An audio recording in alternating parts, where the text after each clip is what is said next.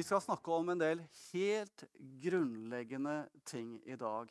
Og så kan du tenke deg ja, men dette har jeg hørt før. Jo, men du skjønner det at eh, jeg ser det, at det er mange kristne som har vært frelst både i 20, 30 og 40 år, som ikke har grepet disse grunnleggende sannhetene. Og vi kan høre en sannhet og en forkynnelse veldig, veldig mange ganger. Men om ikke vi griper det som på en måte står her, at det bare blir ord for oss, så har det ingen betydning. Og det skaper heller ingen forandring inn i våre liv.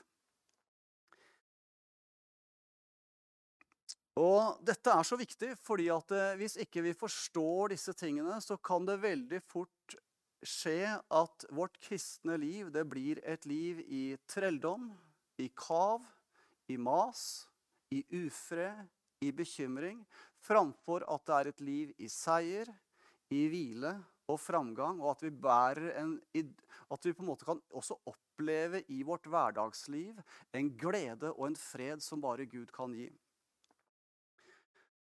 Og dette er jo noe Gud ønsker at vi skal få del i. Og nå er det slik at skal vi få del i disse guddommelige, fantastiske tingene som er tilgjengelige for oss, så er det bare faktisk én måte vi kan få del i det på. Og det er gjennom Jesus Kristus. Jesus sa i, da han var sammen med sine disipler, det står i Johannes 14, kapittel 14 og vers 6. Jeg er veien, sannheten og livet. Ingen kommer til Faderen uten gjennom meg. Det er altså ingen andre måter vi kan få del i denne floden fra himmelen og få komme inn i et fellesskap med den levende Gud uten gjennom Jesus Kristus. Det er ingen andre veier. Og det å være en kristen og det å leve som en kristen Det er ikke slik at eh, fordi at man vokser opp i en kristen kultur, at man har grepet fatt i dette her sånn. Jeg vokste opp i en kristen familie. Men det var først i 20-årsalderen at jeg fikk et personlig forhold til den levende Gud. Gjennom Jesus Kristus. Og det å være en kristen er ikke bare på en måte å tenke som så at ja vel, jeg tror at det finnes en høyere makt. Jeg tror at Gud finnes, og jeg tror at Jesus levde en gang for 2000 år siden. Og han var en fantastisk person. Nei. Det å på en måte anerkjenne Guds eksistens og at Jesus en gang har levd, det er ikke noe som gjør deg til en kristen. For det å være en kristen, det ordet 'kristen', det er bare kommet fra ordet 'Kristus'. Det er jo bare Det kommer jo fra det hebraiske 'Messias', som betyr den salvede. Og det å være en kristen betyr å være en etterfølger av Jesus Kristus. En etterfølger av Kristus. Være en disippel av Jesus Kristus. Og det å anerkjenne at Gud er en Gud som finnes, og at Jesus en gang har levd for 2000 år siden, det skaper ingen forandring her i vårt indre, i vårt hjerte. Og Det står i Jakob kapittel 2. Vi skal lese det også. Vi kan lese det som står i Jakob kapittel 2 og vers 19. Der skriver Jakob at du tror at Gud er én, og du tror rett. Også demonene tror, altså også de onde ånder, og også djevelen tror. Og djevelen skjelver. Men selv om djevelen og alle hans hærskarer, hans understottere, at de tror at Gud finnes, så er de ikke frelst. Fordi at eh, dette å komme inn i en nær relasjon med Gud Det er ikke nok at du bare anerkjenner Guds eksistens. Det er noe mer som må skje i livet ditt. Noe grunnleggende som må skje. Og Jesus sier i kapittel 5 i Johannes evangelium, så sier Jesus for at alle skal ære Sønnen slik de ærer Faderen. Og det som Jesus sier her sånn, at på samme måte som de skal ære allmaktens Gud. På eksakt samme måte skal de ære Sønnen. Og så sier Jesus videre.: Den som ikke ærer Sønnen, ærer heller ikke Faderen som sendte ham. Det som Jesus her gjør, er det at han påberoper seg guddommelighet.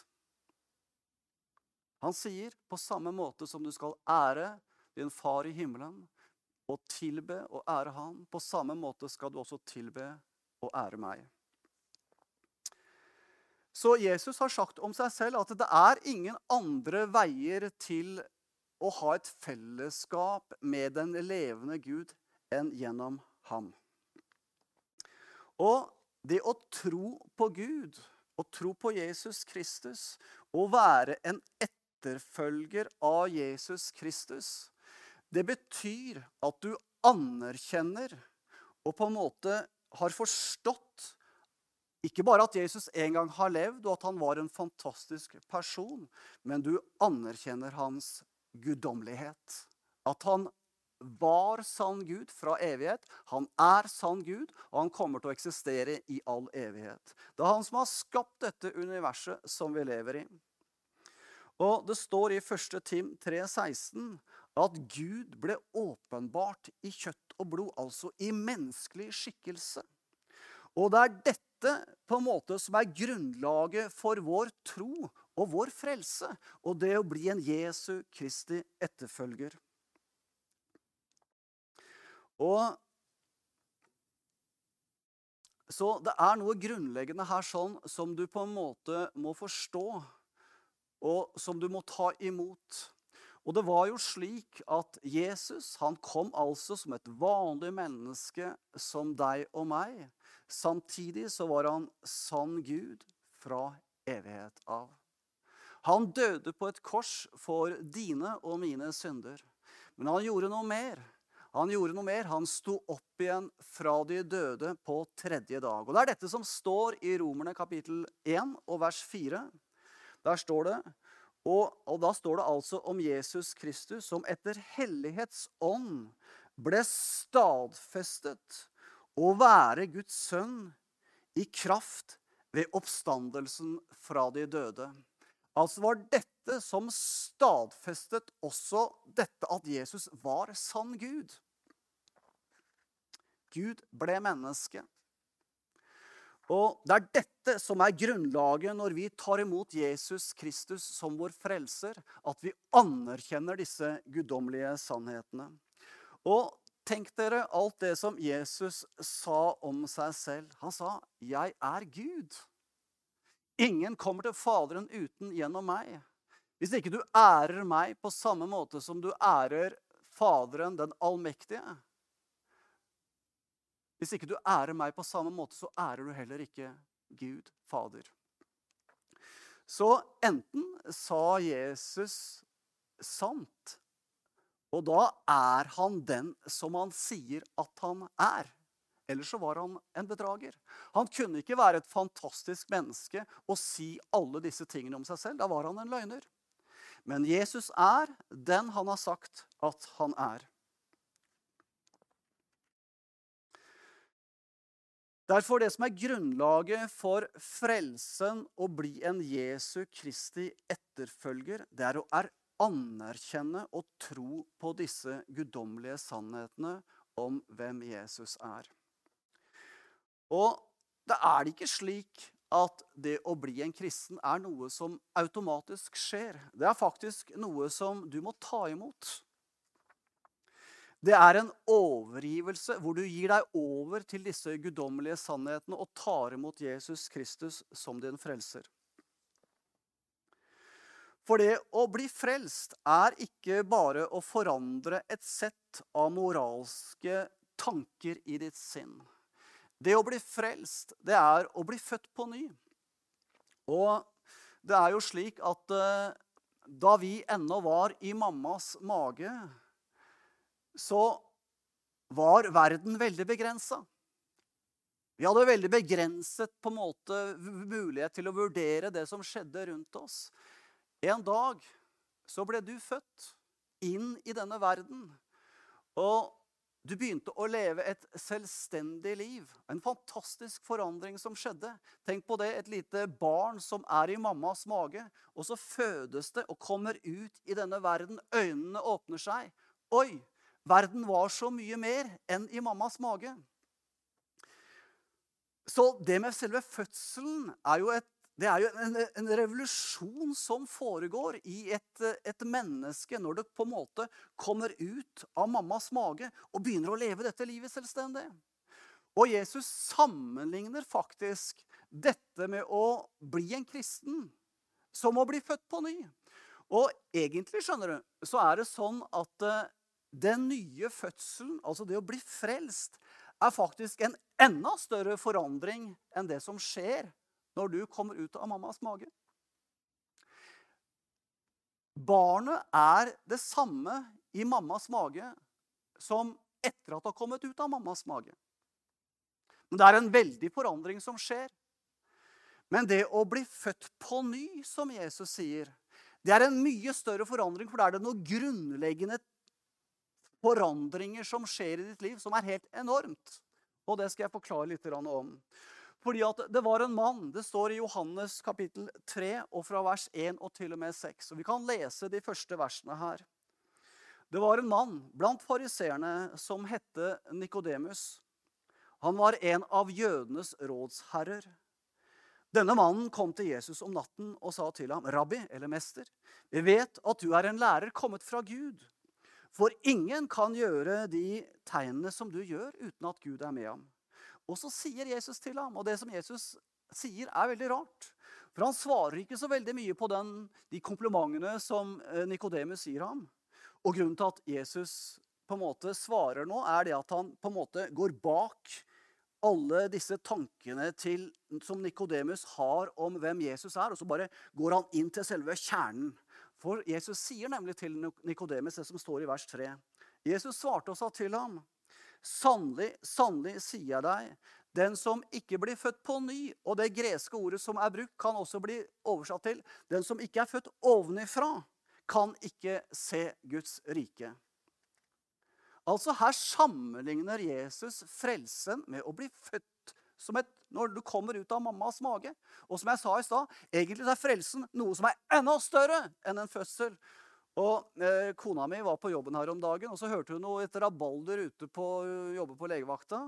Og Det var så kyl og skriking, og disse damene tenkte hva er det som skjer? Og det var en som var blitt bestemor. Kjempegreie, ikke sant? Så det som skjer når et barn kommer ut av mammas mage, det er jo noe som vi kan glede oss noe så voldsomt over. Men det som skjer når du blir født på ny og tar imot Jesus Kristus som Herre, så er det faktisk noe enda større som skjer. Og jeg må si det at de gangene jeg har bedt med mennesker til, til frelse, så er det en sånn sprudlende glede her inne. Jeg blir så glad. Og du kjenner en, et, Det er som en, bare Guds atmosfære fyller både deg og de som er der. Men Jesus sier altså til Nikodemus at du må bli født på ny. Du må bli født ovenifra, Nikodemus. Og så sier Nikodemus i vers 4 Nikodemus sier til ham, 'Hvordan kan en mann bli født når han er gammel?' 'Kan han for annen gang komme inn i sin mors liv og bli født?' Og Jesus svarte, 'Sannelig, sannelig, sier jeg deg, den som ikke blir født av vann og ånd, kan ikke komme inn i Guds rike.' Det som er født av kjøtt, er kjøtt, og det som er født av ånden, er ånd. Jesus sier, 'Det som ikke er født av vann og ånd'. Hva betyr det egentlig å være født av vann? Det å være født av ånd, det er å være født ovenifra. Og I neste vers så sier Jesus det som er født av kjøtt, er kjøtt. Altså Da snakker han om den naturlige fødsel. Og det som er født av ånden, er ånd. Altså det er den åndelige fødsel. Og du vet at eh, når en eh, kvinne er gravid og hun skal føde, så er det slik at i mammas mage så er det en fosterhinne som omgir barnet. Og i, så er det vann, det er fostervann, som omgir dette barnet i mammas mage. Både til beskyttelse og har en del andre funksjoner også. Og det som ofte setter i gang en naturlig fødsel, det er at vannet går. Så når Jesus sier at du må bli født av vann og ånd, når han sier at du skal bli født av vann, så snakker han om den naturlige fødsel. Og for at du skal komme inn i Guds rike, så må du selvfølgelig bli født som et menneske aller først. Men det å bli født som et menneske bringer deg ikke automatisk inn i Guds rike. Du må også bli født av ånd. Og det er den indre forandringen som skjer når du tar imot Jesus Kristus som Herre. Og som mennesker så består vi Vi er en tredelt skapning. Vi består av både ånd, sjel og kropp. Og det står i 1. Tess 5,23.: Må fredens Gud hellige dere fullstendig, og må deres ånd, sjel og kropp helt og fullt bli bevart ulastelige ved vår Herre Jesu Kristi komme. Her sier Bibelen helt klart at vi er en tredelt skapning. Ånd, sjel og kropp.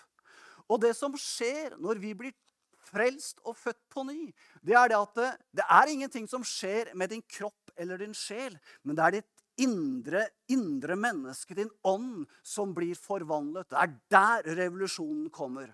Og Det er en fantastisk ting, fordi at hvis du er villig til å ta imot Jesus Kristus, hvis du tror at Jesus kom som sann Gud, at han døde for deg på det korset for 2000 år siden, for alle de gærne tingene som du har gjort, og du tror at han sto opp igjen på den tredje dagen, da skal du bli frelst, skjønner du. Og det er en fantastisk fordi at i det øyeblikk som du bare åpner ditt liv og sier 'Jesus, jeg tar imot deg. Jeg tror dette.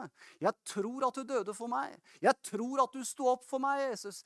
I det øyeblikk så er det noe som kommer fra himmelen. Det er et nærvær som kommer fra himmelen. Det er Den hellige ånd som er i aksjon. Den samme hellige ånd som skapte hele universet.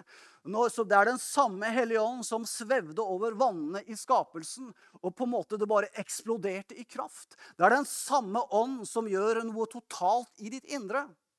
Han føder deg på ny. Du blir en ny skapning i ditt indre. Og Det er jo dette som er så fantastisk med frelsen. Fordi at det å bli en kristen dreier seg ikke om å få et sett av moralske verdier som du lever etter.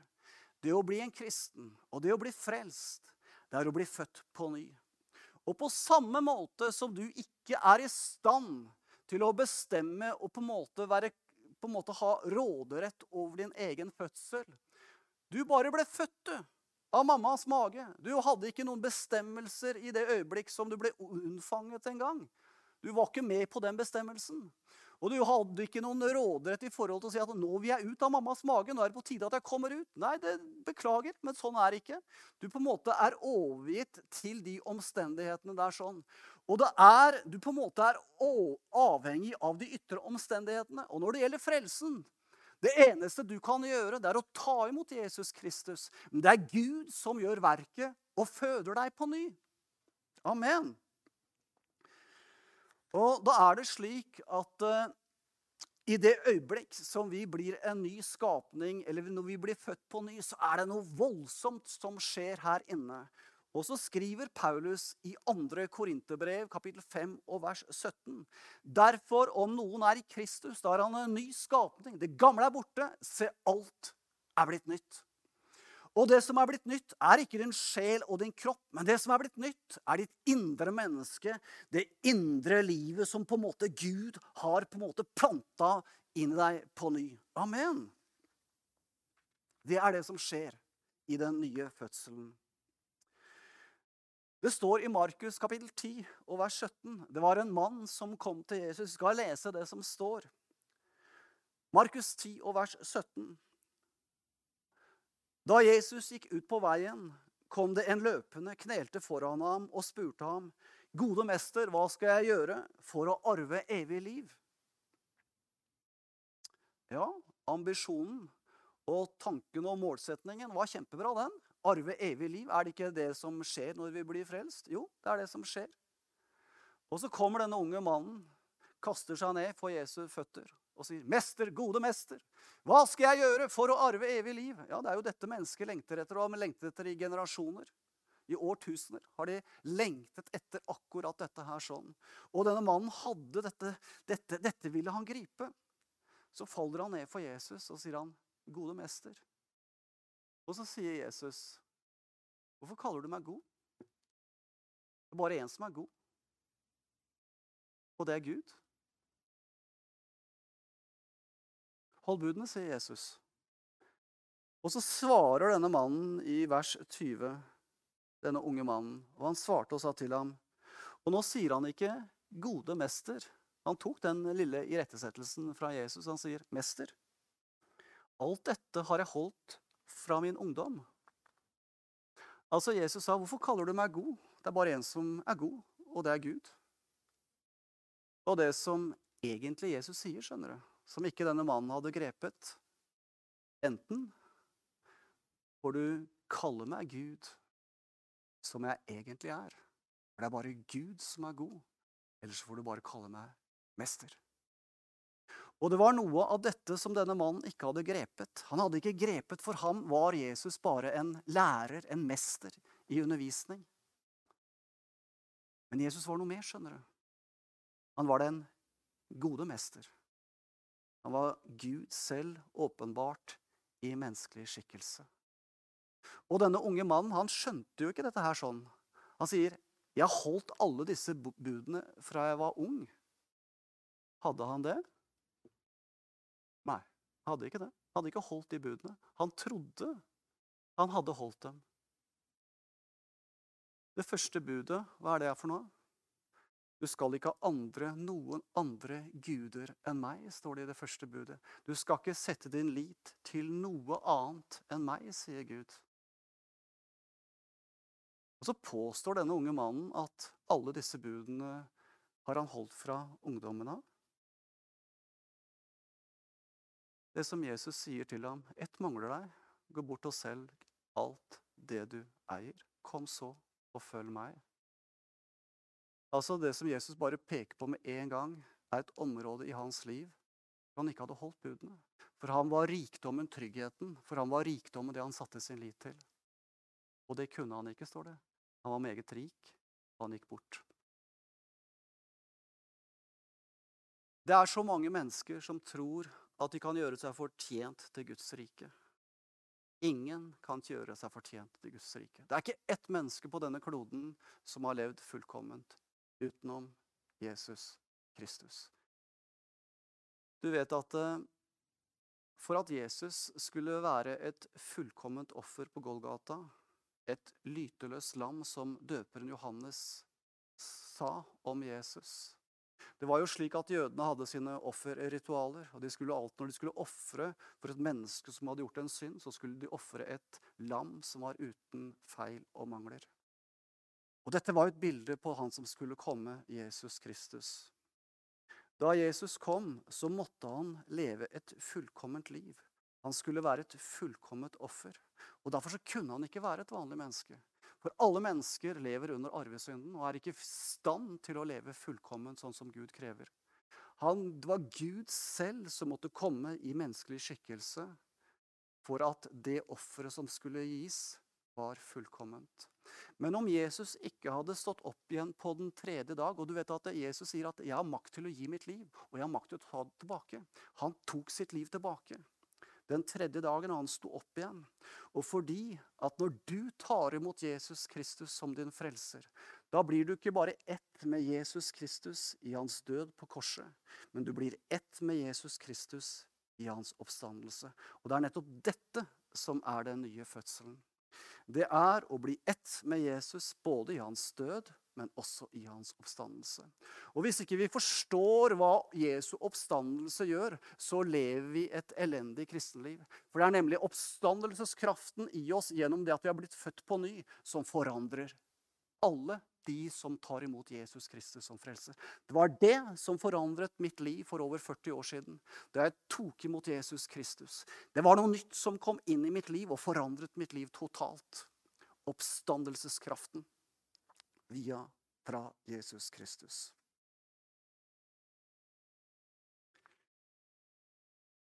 Så det å bli frelst, det er mye mer enn å bare anerkjenne Guds eksistens.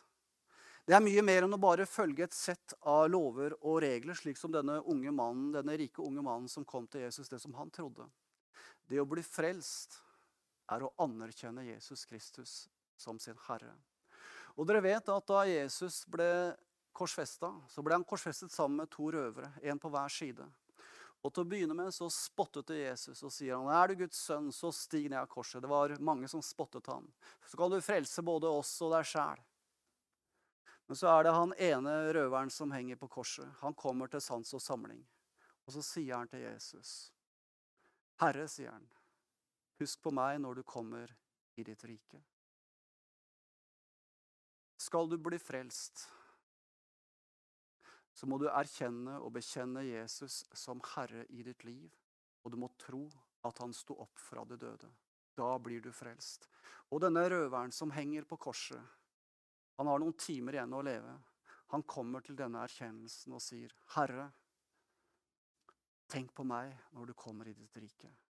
Han trodde på oppstandelsen. Han trodde på et liv etter dette livet. Han trodde og bekjente Jesus Kristus som Herre, og han trodde på oppstandelsen. Så sier Jesus til ham, 'Sannelig, i dag skal du være med meg i paradis.' Denne røveren hadde ingenting å komme med. Han hadde absolutt ingenting. Altså, det, Rent menneskelig sett, hva, hva skulle han gi til Gud? Han hadde ingenting. Han hadde levd et elendig liv og endte på et kors. Men dere vet det at det er ingen av oss som stiller så mye sterkere enn denne røveren som henger på korset. Vi stiller der alle sammen, for det står i Romerne kapittel 3 for alle har syndet og mangler Guds ære. Frelsen er noe helt fantastisk. Det er en enorm forandring som skjer i vårt indre når vi tar imot Jesus Kristus som Herre. Og da er det også slik at når du har tatt imot og du tar imot Jesus Kristus som Herre i ditt liv, og du blir født på ny, du blir en ny skapning her inne, du får del guddommelig natur, som Peter skriver i sitt brev, da er det slik også at du får en trygghet om din frelse. Gud vil at du skal vite i dypet av ditt hjerte at du er trygg for en hel evighet. Du skal ikke gå rundt og lure på om du er frelst eller ikke, om du er verdig eller ikke til å ha en evighet sammen med Gud. For det Og du vet at evigheten med Gud, den starter nå, den. Den starter i det øyeblikk som du tar imot Jesus Kristus som Herre. I det øyeblikk som starter evigheten. Et evig liv med Gud. Og da vil Gud at du skal ha en visshet om at du hører Gud til. At du er hans barn. Dette er noe Gud ønsker. Og det står så fantastisk i 1. Johannesbrev, kapittel 5 og vers 13. Og der skriver apostelen Johannes dette har jeg skrevet til dere som tror på Guds sønns navn, for at dere skal vite at dere har evig liv. For at dere skal vite. Dette er noe Gud vil at vi skal vite. Og leve i den erkjennelsen og den tryggheten hver eneste dag. Og det står i 2. Peter kapittel 1 og vers 4 at ved dette er vi blitt skjenket de største og mest dyrebare løfter, for at dere gjennom dem skulle få del i guddommelig natur. Ja, når skjer det? Skjer det en gang vi kommer til himmelen? Nei, det skjer i det øyeblikk som du tar imot Jesus Kristus som frelser. Da blir din ånd, ditt indre menneske, likedannet med Jesus Kristus. Og Det står også i Hebreerne 12, 23. Til festforsamlingen og menigheten av de førstefødte, som er oppskrevet i himlene, til Gud alles dommer og til de fullendtes rettferdiges ånder. Det er det som vi er nå. Vi er fullkommengjort i vårt indre menneske, i vår ånd. Det er helt fantastisk, det som skjer i frelsen. skjønner du. Det er så grensesprengende, og det er det, nettopp dette som gjør at vårt liv blir forandret når vi tar imot Jesus Kristus. Det er ikke fordi at du er blitt en god moralsk person, men det er fordi at du er forandret i ditt indre menneske. Eh, Hebreerbrevet er jo et eh, vell av guddommelig åpenbaring. Og det står i Hebreerbrevet kapittel 9 og vers 12 ikke med blod av kalve, bukker og kalver, men med sitt eget blod gikk han inn i det aller helligste en gang for alle og fant en evig forløsning. Hva er forløsning for noe? En evig forløsning? Ja, hva er egentlig en forløsning? At vi har fått en evig forløsning? Da Jesus på en måte hadde fullført sitt verk på Golgata kors, så går han inn i selve himmelen, inn på Guds trone med sitt eget blod, og så står det at han vant en evig forløsning.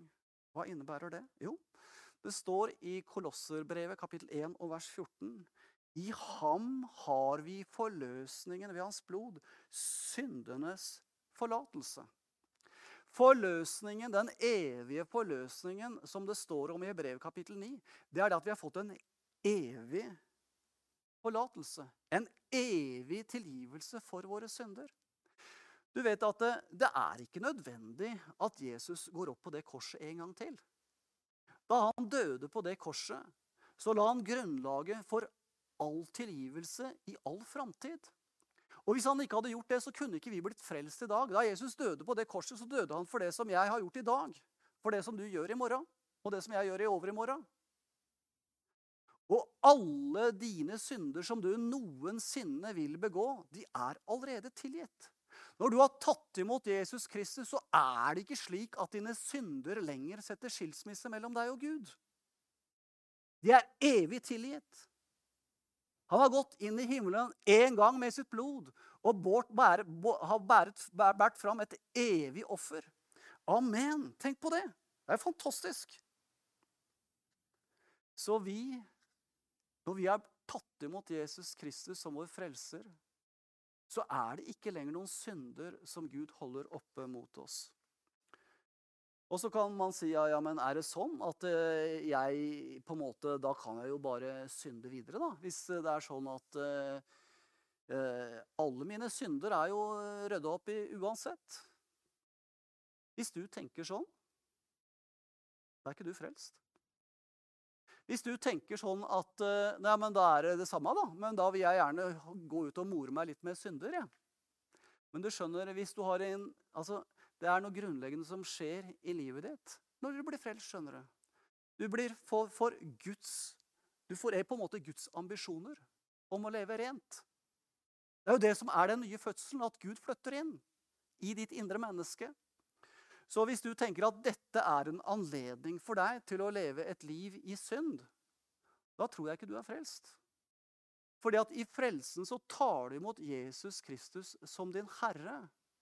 Du har erkjent hans herrevelde i ditt liv. Du ønsker å leve rett når du er frelst. Du ser ikke på dette som en anledning til å synde.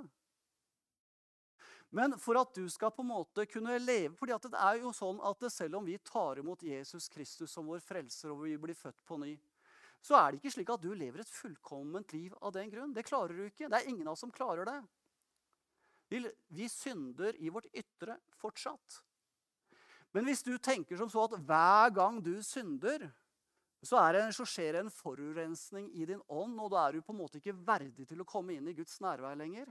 Hvis du har den, det bildet av frelsen Vet du hva som skjer da når du gjør noe gærent? Du kommer under skyld og fordømmelse. Og skyld og fordømmelse skaper ingen forvandling inn i ditt liv. Det er ikke fordømmelsen som forvandler ditt liv, det er den bedrøvelsen som Gud gir. Det er kjempeforskjell.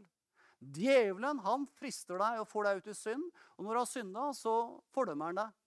Og hvis du sitter der og slår deg med en hammer, så sier han 'ta denne slegga isteden'. Det er sånn djevelen driver. fordi at eh, når du er født på ny, så har du automatisk fått en vilje og en lengsel etter å leve etter Gud. Guds, Guds, Guds, Guds bud, det som er Guds hjerte for ditt liv. Det er jo bare det som skjer i den nye fødselen. Så det at vi på en måte det at ikke vi, når vi på en måte gjør noe gærent, at det kommer noe skilsmisse mellom oss og Gud Det er ikke sånn lenger. Gud kommer aldri med fordømmelse mot oss. Men når du synder, så skjer det noe annet.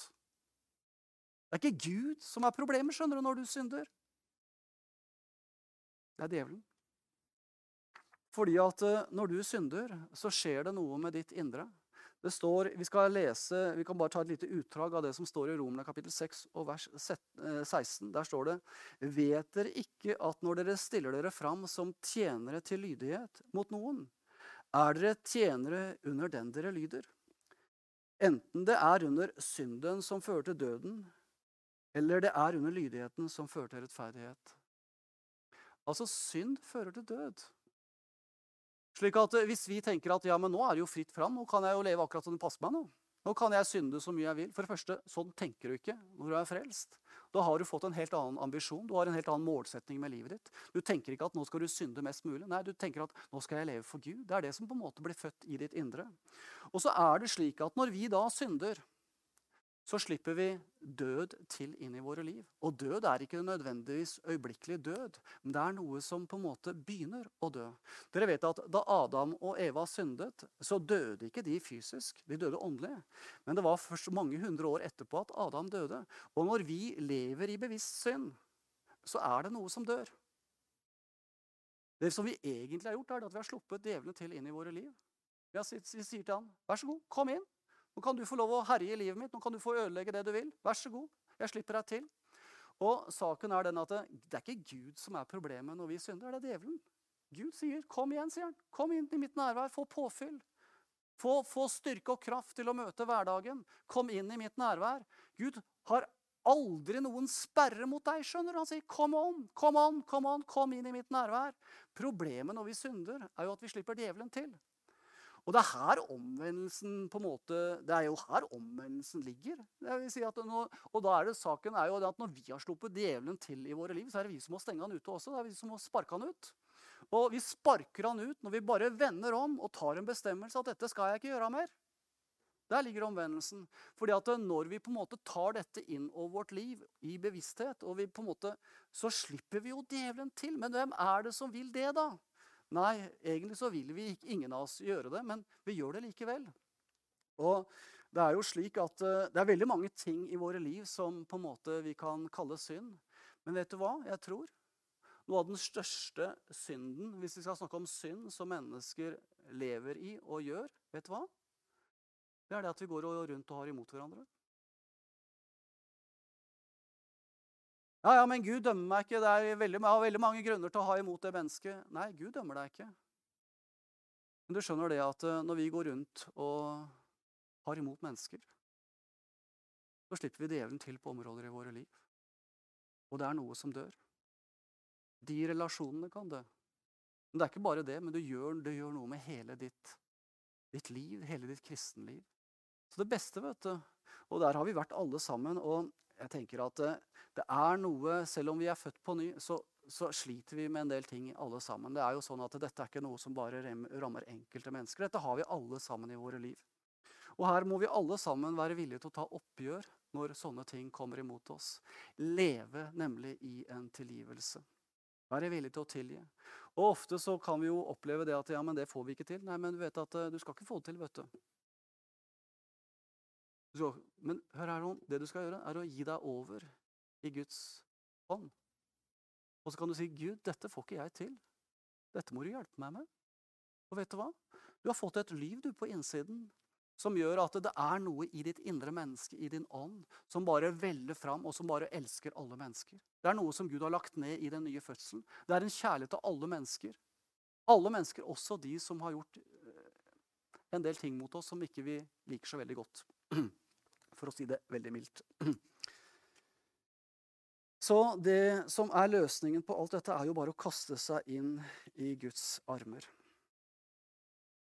Slik at det, hvis du skal forkynne et nådesbudskap, at Gud ikke holder imot deg når du synder, at det er ikke han som er problemet Hvis du skal forkynne hele nådesbudskapet, og du tenker, og når du hører dette budskapet forkynt og tenker at ja, men da er det jo fritt fram, da kan jeg gjøre hva jeg vil Vet du hva? Hvis det er din grunnleggende holdning, så må du se å bli frelst. Da må du ta imot Jesus Kristus som din herre. Men du vet at det er ikke det som er det jevne problemet for veldig mange kristne. Er det at vi tenker at ja, ja, men det går vel greit likevel. Nei, det gjør ikke det.